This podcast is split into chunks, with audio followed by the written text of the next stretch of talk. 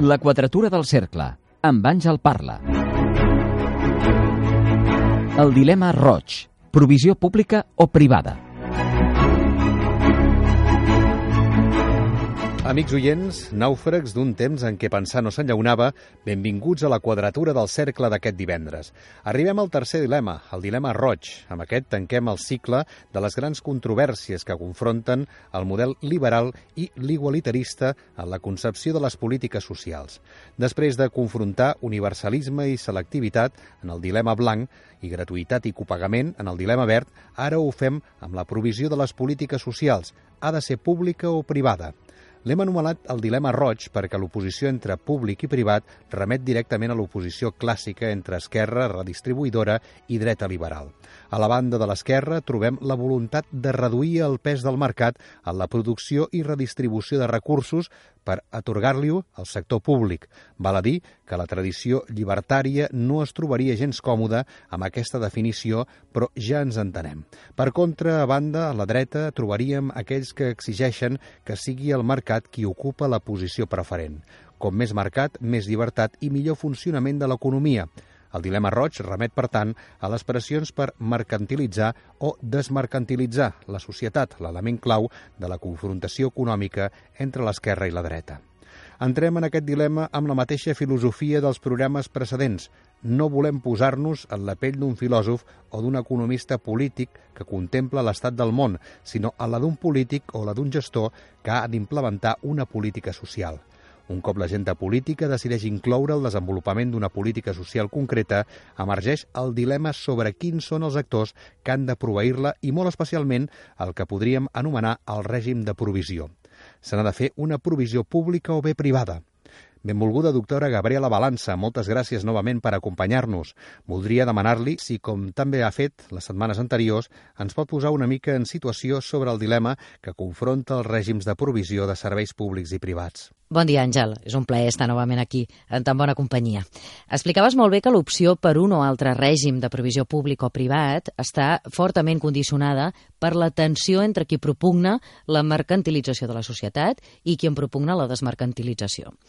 Durant unes dècades, a Occident, hi ha hagut una mena d'empat tècnic entre les dues concepcions, tot atorgant al mercat el paper preponderant i creixent a la producció i a l'Estat el paper preponderant a la redistribució, o més ben dit, en intervenir a la redistribució per igualar-la. És una imatge reduccionista, però ens ajuda a veure les tensions que afecten les dues esferes. Hi ha qui pensa que cal més regulació, més intervenció pública i fins i tot més provisió pública a l'àmbit de la producció per minimitzar les ineficiències del mercat. Només així, per exemple, es podrien repercutir les externalitats econòmiques en el preu dels productes o reconvertir una economia cada vegada més abocada a l'especulació financera. D'altra banda, i això és el que a nosaltres ens interessa, hi ha qui considera que la provisió i la gestió pública de les polítiques socials les fa pitjors. Ja sigui perquè les fa més costoses, ja sigui fins i tot perquè les fa més injustes. En fi, en això ja entrem més endavant, suposo. Uh, sí, abans d'aprofundir en les tensions i controvèrsies, intentem fer una primera aproximació més general. Com vulguis. Mira, per comprendre el dilema entre uh, provisió pública i privada, cal recordar que el paper que té l'Estat varia en funció del règim de benestar imperant en cada context sociopolític. Pot ser marginal, subsidiari o bé central segons el cas. En societats amb règims de benestar que atorguen un paper central a l'Estat, el sector públic acostuma a assumir un paper més determinant a la política social, perquè aquesta està més desenvolupada i parteix de nivells d'inversió més elevats. Quan aquest paper és més residual, en canvi, el sector privat acostuma a tenir un protagonisme més gran. En aquests contextos i també en els que han experimentat desenvolupaments ràpids de l'estat del benestar, emergeix un sector privat no lucratiu, l'anomenat el tercer sector social, que també té un paper rellevant. Perfecte. Un primer element que cal considerar és el paper que assumeix l'Estat en la provisió del benestar, més o menys central, més o menys actiu. Exactament. I la pèrdua de centralitat està molt associada a la privatització. En termes generals, la privatització es veu afavorida per la mercantilització de les polítiques socials. La mercantilització afavoreix que la provisió de polítiques respongui més a l'ús de criteris de mercat a l'organització del seu funcionament i gestió. Això parteix de la convicció que el mercat és més eficient a la gestió dels recursos. Per tant, és bo afavorir la intervenció del sector privat especialment en els àmbits de la política social que tenen valor i que representen una oportunitat de negoci. La desmercantilització, en canvi, es produeix quan certs àmbits són concebuts com a estructuradors de drets que cal protegir, de manera que són proveïts per l'Estat i queden fora del mercat. De fet, les polítiques públiques són per si mateixes una forma de desmercantilització de l'esfera econòmica orientada a garantir el benestar al marge de la relació que mantenen les persones amb el mercat en general i amb el mercat laboral en particular. El paper del sector públic i del sector privat també pot variar amb el temps a causa de múltiples factors de caràcter econòmic, social o polític. A partir dels anys 70, per exemple, pren una posició creixentment hegemònica una concepció neoliberal de l'economia. Això estimula la intervenció mínima de l'Estat, la desregulació de les relacions socials i qüestiona la sostenibilitat econòmica de l'estat del benestar amb l'efecte d'endegar dinàmiques de privatització de diferents àmbits de la política social. I quina és la situació a casa nostra? En el nostre entorn sociopolític més immediat, la provisió de benestar s'ha garantit a través de la intervenció tant del sector públic com del privat lucratiu i no lucratiu, amb diferents intensitats en funció de l'àmbit de les polítiques socials de què es tracti. Tenim escoles públiques i privades per garantir el dret a l'educació, hospitals públics i privats per garantir el dret a l'atenció sanitària, o serveis socials públics i entitats d'acció social privades per garantir el dret a la protecció social. El sector privat no només intervé per atendre les necessitats socials en aquells aspectes que queden descoberts pel sector públic, sinó que hi ha models de provisió mixtos públic-privat generalment relacionats amb la gestió privada de serveis públics. En la línia del que ja hem anat veient en els anteriors programes, veig que la realitat és complexa, costa trobar models purs i les diferents opcions que ens plantegen els dilemes es troben sovint combinades. De fet, en el desenvolupament de polítiques socials podem diferenciar quatre grans eh, rols fonamentals. La competència, el finançament, la titularitat i la gestió de la política. La competència recau en qui té la capacitat de decidir sobre el desenvolupament de la política, de regular les seves condicions. En definitiva, qui té la responsabilitat última de garantir la cobertura del dret. El finançament, en qui en sufraga els costos. La titularitat, en qui assumeix la producció de la política. I la gestió, en qui s'ocupa del seu funcionament. Podem trobar polítiques socials en les quals el sector públic assumeix aquestes quatre funcions. Passa, per exemple, amb les pensions. Però hi ha altres polítiques on el sector privat assumeix diversos d'aquests rols. Per exemple, l'Estat, que regula i garanteix el dret a l'educació, aporta finançament públic a les escoles de titularitat privada, a través dels concerts, per proveir el servei educatiu. En aquest cas, el sector públic regula i finança i el sector privat disposa de la titularitat i assumeix la gestió del centre. En ocasions, però, podem trobar escoles públiques de gestió indirecta, gestionades per entitats privades, com passa amb escoles bressol municipals. En aquest cas, el sector privat només n'assumeix la gestió, mentre que el sector públic assumeix la resta de rols. Així doncs, el dilema entre públic i privat no és estrictament una qüestió del règim de provisió. Tant l'estatalització o nacionalització com la privatització conformen processos a partir dels quals la totalitat o part dels rols en el desenvolupament de les polítiques es transfereixen o es desplacen del sector privat al sector públic o a l'inrevés. Pel que veig, doncs, el que entenem per privatització pot tenir a veure amb qüestions molt diferents en funció de si parlem de titularitat, finançament o provisió. De la seva explicació se'n desprèn que és un concepte que està barrejant elements molt diferents i amb conseqüències socials molt diverses. Per exemple, podríem parlar d'un servei de provisió privada, però finançat al 100% i d'accés gratuït universal, o a l'inrevés, d'un servei de titularitat pública, però amb un nivell de copagament molt elevat o fins i tot pagat íntegrament pels usuaris és així? Efectivament, existeixen diferents tipus de privatització en funció del rol que assumeix el sector privat. S'entén per privatització material, per exemple, quan es transfereix al sector privat la competència de desenvolupament de la política social i, conseqüentment, també el finançament, la producció i la gestió, com passa amb la provisió de subministraments energètics bàsics a les llars. La privatització formal es produeix quan el finançament i la producció depenen d'entitats públiques però sotmeses al dret privat, com passa en el nostre entorn amb la provisió del transport públic, que està en bona part gestionat per empreses públiques de transport. I s'entén per privatització funcional quan es privatitza la gestió de serveis públics, com succeeix amb la gestió de molts equipaments públics educatius, culturals i esportius. Suposo que els àmbits de benestar més centrals que concentren la major despesa social són els que concentren més tensions al voltant de la privatització, oi? Sí, sens dubte. És on hi ha un volum de negoci més atractiu pel sector privat. I val a dir que els defensors de la provisió pública no han aconseguit evitar les dinàmiques de privatització. A l'àmbit de la sanitat, per exemple, tot i la forta resistència política existent, trobem diferents modalitats de privatització. L'establiment de la cobertura privada i de la seva promoció a través de fórmules com ara les mutualitats de funcionaris o la desgravació de les empreses que contracten assegurances privades són formes de privatització de la cobertura.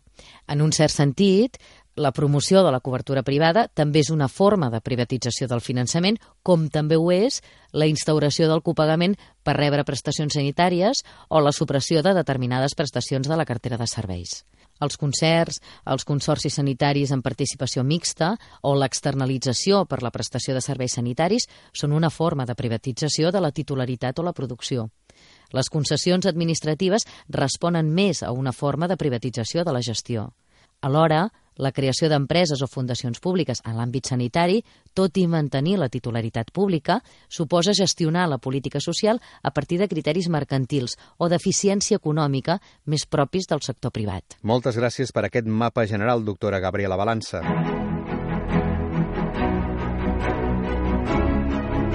La quadratura del cercle, amb Àngel Parla.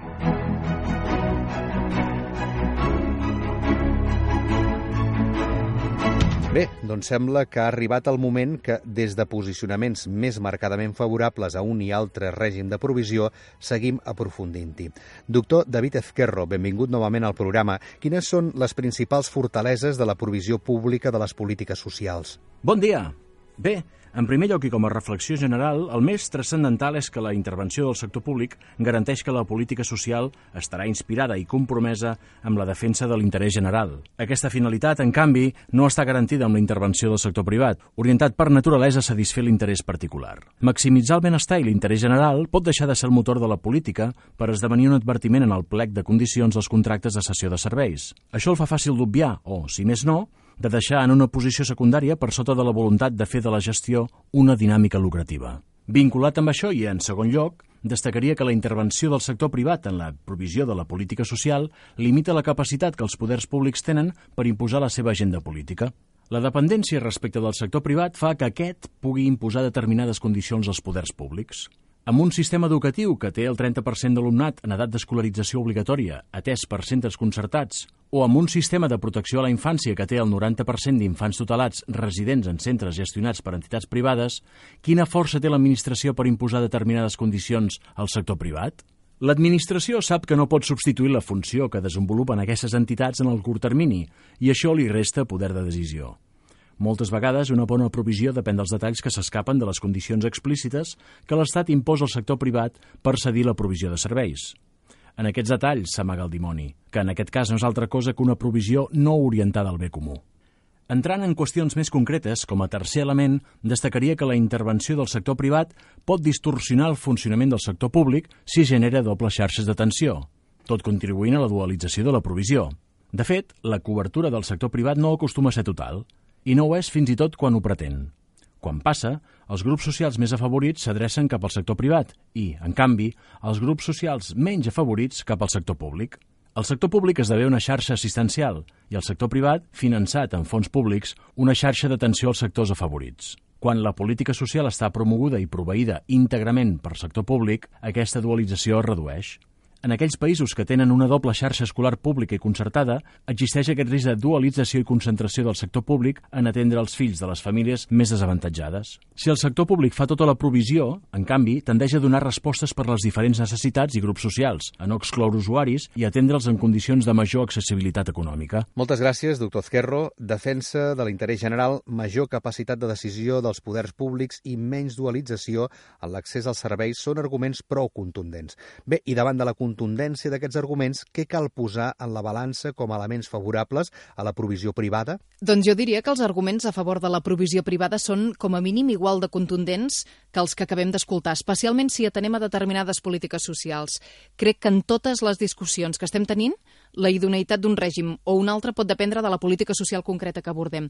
No sé si el meu col·lega coincidirà en això. Efectivament, tot i que de ben segur que el volum de polítiques socials a què aplicaria criteris de gratuïtat, universalitat i provisió pública són molt més amplis en el meu disseny institucional que no pas en el teu. De ben segur, efectivament. En qualsevol cas, voldria dedicar aquesta primera ronda d'exposició d'arguments a matisar alguns dels elements que ha exposat el doctor Ezquerro. En primer lloc, cal tenir ben present que el sector privat no sempre té com a finalitat acumular beneficis. Existeix un sector privat que no és lucratiu, que no concep la política social com a negoci i que combina les fortaleses del sector privat, sobretot l'eficiència en la gestió, amb les fortaleses del sector públic, com ara la corresponsabilitat social.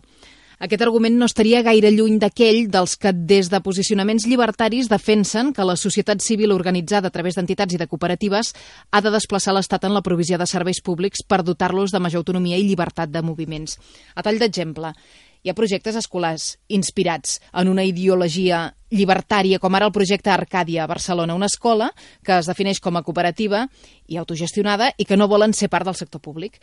A més, és molt important també deixar ben clar que hi ha moltes maneres de privatitzar i en moltes d'elles els poders públics mantenen la competència i la capacitat de control sobre el desplegament de la política social.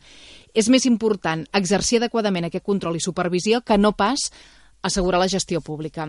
Però és evident que el principal argument de la meva defensa té a veure una vegada més amb la qüestió de l'eficiència econòmica. Endavant, senyora Plata. En primer lloc, és evident que els costos de provisió del sector privat són menors que els del sector públic, perquè les condicions laborals dels treballadors acostumen a ser més barates i la gestió es fonamenta més en criteris mercantils.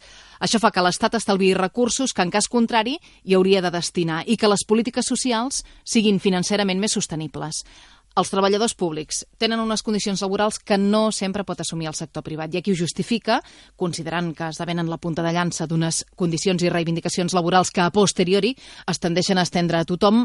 El cert, però, és que aquesta onada expansiva no es dona i s'acaba produint la paradoxa que els ciutadans paguen uns servidors públics amb una situació laboral que poden considerar privilegiada quan s'hi comparen. Val a dir que aquestes condicions laborals poden afectar les característiques de prestació del servei. En el meu municipi, per exemple, s'ha produït un procés d'internalització de la gestió d'unes escoles bressol públiques que fins ara estaven gestionades per entitats privades. Aquestes escoles bressol tenien uns horaris d'atenció que cobrien tota la tarda i que afavorien la conciliació de les famílies. En assumir l'Ajuntament la gestió directa d'aquests centres i en regir-se pel règim laboral dels funcionaris de les escoles públiques de l'Ajuntament, l'horari de prestació del servei s'ha hagut d'escurçar a la tarda. La gestió directa, doncs, ha reduït flexibilitat al servei prestat en aquest cas. És a dir, una provisió amb menys costos i amb una organització menys rígida. Continuï. Un segon argument també molt bàsic però de gran pes, la competència, més característica d'entorns de mercat o quasi mercat, ajuda a promoure la innovació en la provisió de les polítiques socials. Per tant, la privatització no només afecta l'eficiència en la utilització dels recursos i en el control de la despesa pública, també pot afavorir ser més eficaços en la satisfacció de les necessitats socials existents. L'usuari, entès com a client, ajuda a posar al centre les seves necessitats. Davant la rigidesa burocràtica del sector públic, el sector privat és més flexible. Entre el funcionariat no sempre hi domina considerar-se servidors públics compromesos i entusiastes. Hi ha molts treballadors públics compromesos amb la seva feina i és molt injust generalitzar, però no és clar, ni molt menys, que l'oposició entre provisió pública i privada sigui una oposició entre persecució del bé comú o de l'interès lucratiu particular. En tots dos casos, el bé comú pot estar establert com a objectiu. La forma d'estimular-ne la consecució pot ser instrumentalista, emprant la mediació de l'interès lucratiu, com passa sovint en la gestió privada, o pot ser un estímul voluntarista, assumint la bona fe i el compromís d'un cos laboral, el dels funcionaris, que pot perfectament tenir interessos i dinàmiques que l'allunyin de perseguir el bé comú. Finalment, en tercer lloc, no està de més tenir ben present que el mercat és el motor productiu de les societats modernes. El sector privat té un paper fonamental que la política social no pot obviar i que l'Estat ha d'estimular per evitar entrar en crisi i que això afecti negativament tant la credibilitat del sistema econòmic en general com la confiança que els ciutadans dipositen en el funcionament del mateix Estat. Els poders públics tenen interès, doncs, a dinamitzar i atorgar un tracte adequat al sector privat. Bé, detecto en aquesta darrera intervenció un canvi de to que la farà especialment controvertida. Tinc la sensació que els funcionaris sempre acaben esdevenint l'asa dels cops, fins i tot si els arguments miren de no generalitzar com els que planteja la doctora Plata. Quins són els arguments de perfil econòmic que el fan defensar la provisió pública, doctor Ezquerro? Voldria començar qüestionant què entenem per eficiència econòmica en el sector privat. Quan a la presumpta eficiència s'assoleix mitjançant la reducció de costos perquè no s'atén aquella part de la població que no interessa, perquè no es proveeixen els serveis més costosos i deficitaris, o perquè es precaritzen les condicions laborals, jo considero que és trampós interpretar-ho en termes d'eficiència. Precisament aquests tres factors haurien de ser elements fixos en l'equació de la provisió de serveis i a partir d'aquí comparar si la provisió privada és, efectivament, més eficient. L'eliminació de la cartera de serveis d'aquells més costosos ha de ser una decisió política, no empresarial, i no es pot considerar eficient deixar de fer-ne provisió o passar-ne la provisió a un sector públic residual orientat a proveir d'allò no eficient, per després ser culpat d'ineficient.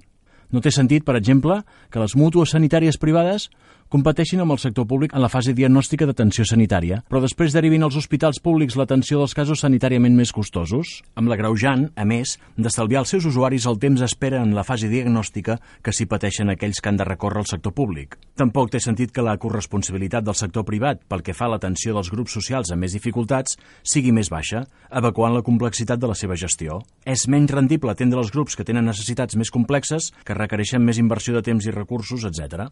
Això provoca que tot sovint el sector privat expulsi o externalitzi l'acció d'aquests grups socials cap al sector públic. Seria el cas, per exemple, de les escoles concertades que expulsen els alumnes menys brillants o més conflictius, que d'aquesta manera han de ser atesos per la xarxa pública. El que vull dir, en definitiva, és que només es pot comparar l'eficiència de dos règims, el públic i el privat, si cobreixen exactament el mateix. Entenc, doncs, que el sector públic atén ben sovint les situacions de major complexitat i sobre els majors costos laborals que apuntava la doctora Balança, que hi diu. Això mereix una menció a part, sens dubte. Massa sovint, l'eficiència passa per una reducció de costos laborals que pot ser vista com una desresponsabilització del sector públic respecte del tracte que reben aquells qui treballen. Certament, sovint, les condicions laborals dels treballadors públics són més bones que les condicions laborals dels treballadors que desenvolupen les mateixes funcions al sector privat, senzillament perquè són dignes. En determinats àmbits de la política social, el sector privat presenta més rotació i precarietat laboral, la qual cosa pot interferir negativament en la qualitat de l'atenció prestada. Les millors condicions salarials que acostuma a oferir el sector públic ajuden a garantir una major estabilitat de les plantilles dels serveis públics. De forma més general, si assumim que a través de l'externalització l'Estat accepta que les condicions laborals siguin precàries en nom de l'eficiència econòmica, estem oblidant algunes coses bàsiques. La primera, que la més bàsica forma de redistribució econòmica és la que es produeix a través de la remuneració del treball. La segona, que, sense una classe salariada en condicions laborals dignes i capacitat de consum, el sistema econòmic s'enfonsa.